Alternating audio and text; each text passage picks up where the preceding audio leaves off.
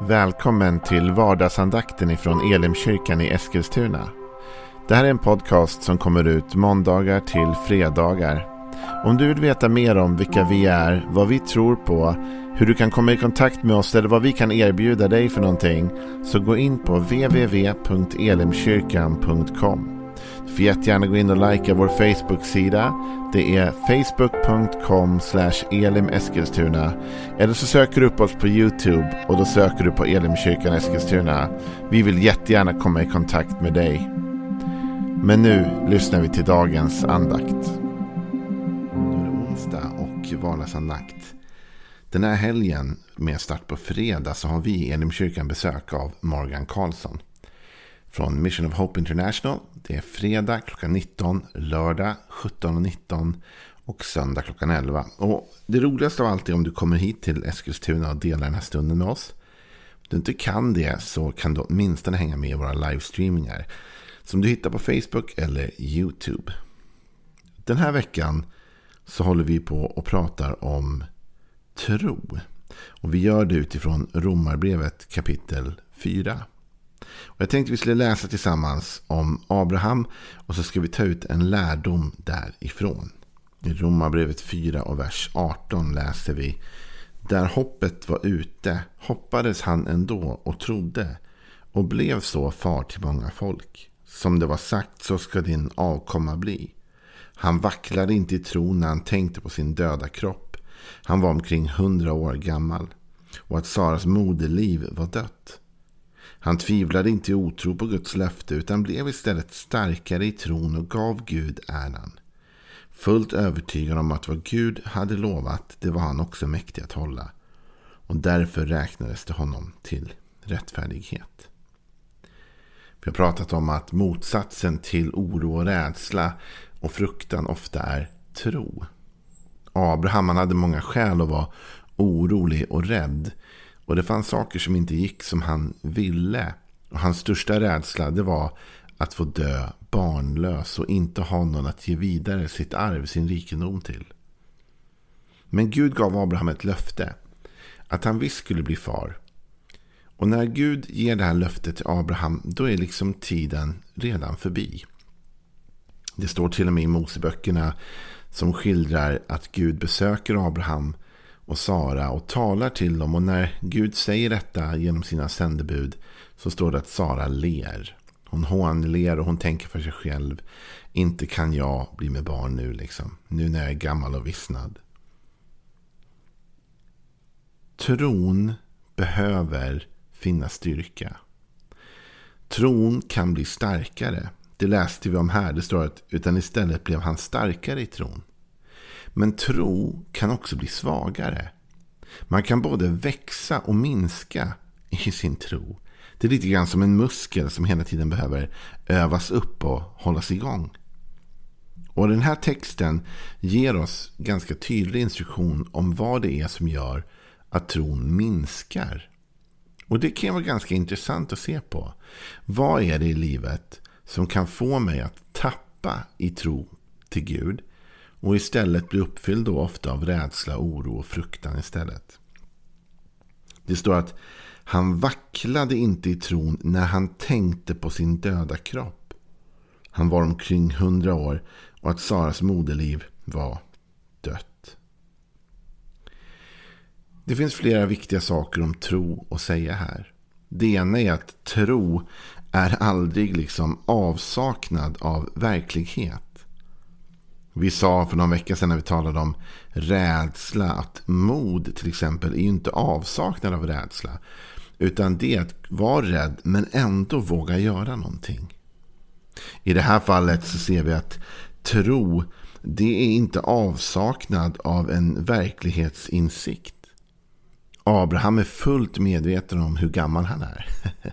han är fullt medveten om att Sara inte kan få barn. Men han vacklar inte kring verkligheten. Utan han håller sitt fokus på Guds löften. Det är så lätt när du och jag börjar titta på hur det ser ut runt omkring oss att vi tappar modet. Sån är jag i alla fall.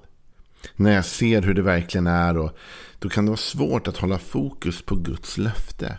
Det är mycket lättare att fokusera bara på det man ser. Men ju mer du och jag tittar på oss själva, ju svagare kommer vår tro att bli. För faktum är att det Gud har kallat dig och mig till, det klarar vi inte av själva. Utan vi behöver Gud. Jesus han sammanfattar detta på ett exceptionellt bra sätt som han ofta gör i Johannes kapitel 15 och vers 5. Det är då han har talat om sig själv som vinstocken. Och så säger han, jag är vinstocken, ni är grenarna. Om någon förblir i mig och jag i honom så bär han rik frukt. Utan mig kan ni ingenting göra. Det är ett ganska kraftfullt uttalande av Jesus när han säger att utan mig kan ni ingenting göra. Och Det innebär att ju mer vi ser på oss själva så ser vi bara vad vi inte kan. Jag menar om Abraham hade suttit hela dagarna och bara tittat på sig själv och insett att men jag är ju hundra år nu nästan. Det här kommer aldrig ske. Det är inte möjligt längre. Det är inte realistiskt längre. Så hade hans tro ständigt blivit svagare.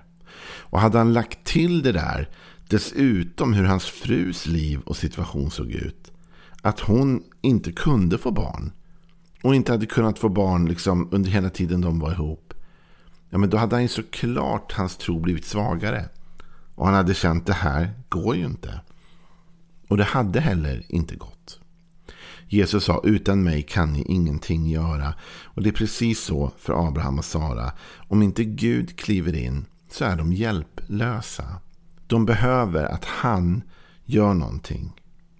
Min poäng med den här andakten idag är att om du och jag vill ha en starkare tro så måste vi titta mer på Gud och mindre på oss. Det låter kanske klichéigt men det ligger en sån sanning i det. Att ju mer jag tittar på mig och mina problem ju svagare blir min tro. Men ju mer jag tittar på Gud och hans storhet ju mindre förefaller sig mina problem och ju starkare växer sig min tro. Så frågan är vart du har blicken riktad någonstans. Det står i Romarbrevet att tron kommer av förkunnelsen och förkunnelsen i kraft av Kristi ord. Så tron kommer inte av mig själv eller genom att se på mig själv. Utan tron kommer genom evangelium. Och evangeliet det är det glada budskapet om Jesus. Ju mer jag ser på Jesus, ju starkare blir min tro. Ju mer jag har honom för ögonen, ju mer känner jag att jag växer i tro, klarar med min tro. Men ju mer jag tittar på mig själv och mina omständigheter, ju svagare kommer jag att bli. Därför Jesus sa själv, Joel, utan mig kan du ingenting göra. I Markus kapitel 4 så talar Jesus om en såningsman som går ut och sår ut Guds ord. Och han talar om att den här säden faller på olika platser i olika jordmån. Och den bär olika med frukt beroende på vart den landar någonstans. Och i den sjuttonde versen, eller sextonde versen så står det så här. Det som sås på stenig mark, där är Markus 4, är de som genast tar emot ordet med glädje när de hör det. Men det har ingen rot inom sig, utan tror bara för en tid. När de sedan möter lidande eller förföljelse för ordets skull så kommer de genast på fall. Att tro bara för en tid. Det är alltså möjligt att ha tro och tappa tro. Att bli svagare i sin tro och att tro bara för en tid. Men vilka var de som trodde bara för en tid? Det var de som visserligen blev glada när de hörde Guds ord och evangeliet och Guds löften. Men som samtidigt inte hade roten inom sig och när de mötte lidande och när de mötte förföljelse och de såg på de sakerna så blev deras tro svagare. När de fokuserade på lidandet, när de fokuserade på förföljelsen så kom ordet på fall. Men han fortsätter och säger Hos andra sås säden bland tistlar. Det är de som hör ordet. Men världsliga bekymmer, bedräglig rikedom och begär efter annat kommer in och kväver ordet så att det blir utan frukt. Och återigen så talar Jesus om att det kommer in andra saker och tar fokuset ifrån ordet. Ordet är ju det som skapar tro. Tron kommer av förkunnelsen och förkunnelsen i kraft av Kristi ord. Och djävulens sätt att försvaga vår tro det är att få bort ordet ur våra ögon och stoppa in allt annat. Att stoppa in alla bekymmer, stoppa in alla orosmoln, stoppa in allting, all misstro, alla våra brister, allting, allt det där. Det försöker djävulen stoppa framför våra ögon så att det är det vi ska titta på. Och ju mer vi tittar på det, ju svagare blir vår tro. Så vad kan du och jag då göra för att växa i vår tro? Ja, det du och jag kan göra för att växa i vår tro, det är att fokusera på Gud. Det är att titta mer på honom än på oss själva. Det är att titta mer på hans löften än på våra problem och våra utmaningar och våra brister. Alltså ju mer du sitter och ältar dina svagheter, ju svagare kommer också din tro att bli. Nej, du och jag vi behöver sätta vårt fokus på Jesus. Fäst dina ögon på Jesus. Det är där som vi finner styrkan i tron. Ju mer vi läser om de mirakel han gjorde, ju mer vi läser om allt han klarade av, ju starkare blir vår tro. Gud han gör ju detta väldigt praktiskt. Va? När han tar ut Abraham en stjärnklar natt och ber honom titta upp och frågar om han kan räkna stjärnorna. Så talrik kommer din avkomma att bli. Han visar också honom sandkornen på stranden. Alltså Gud styr Abrahams blick bort från sig själv. Bort från sin brustenhet.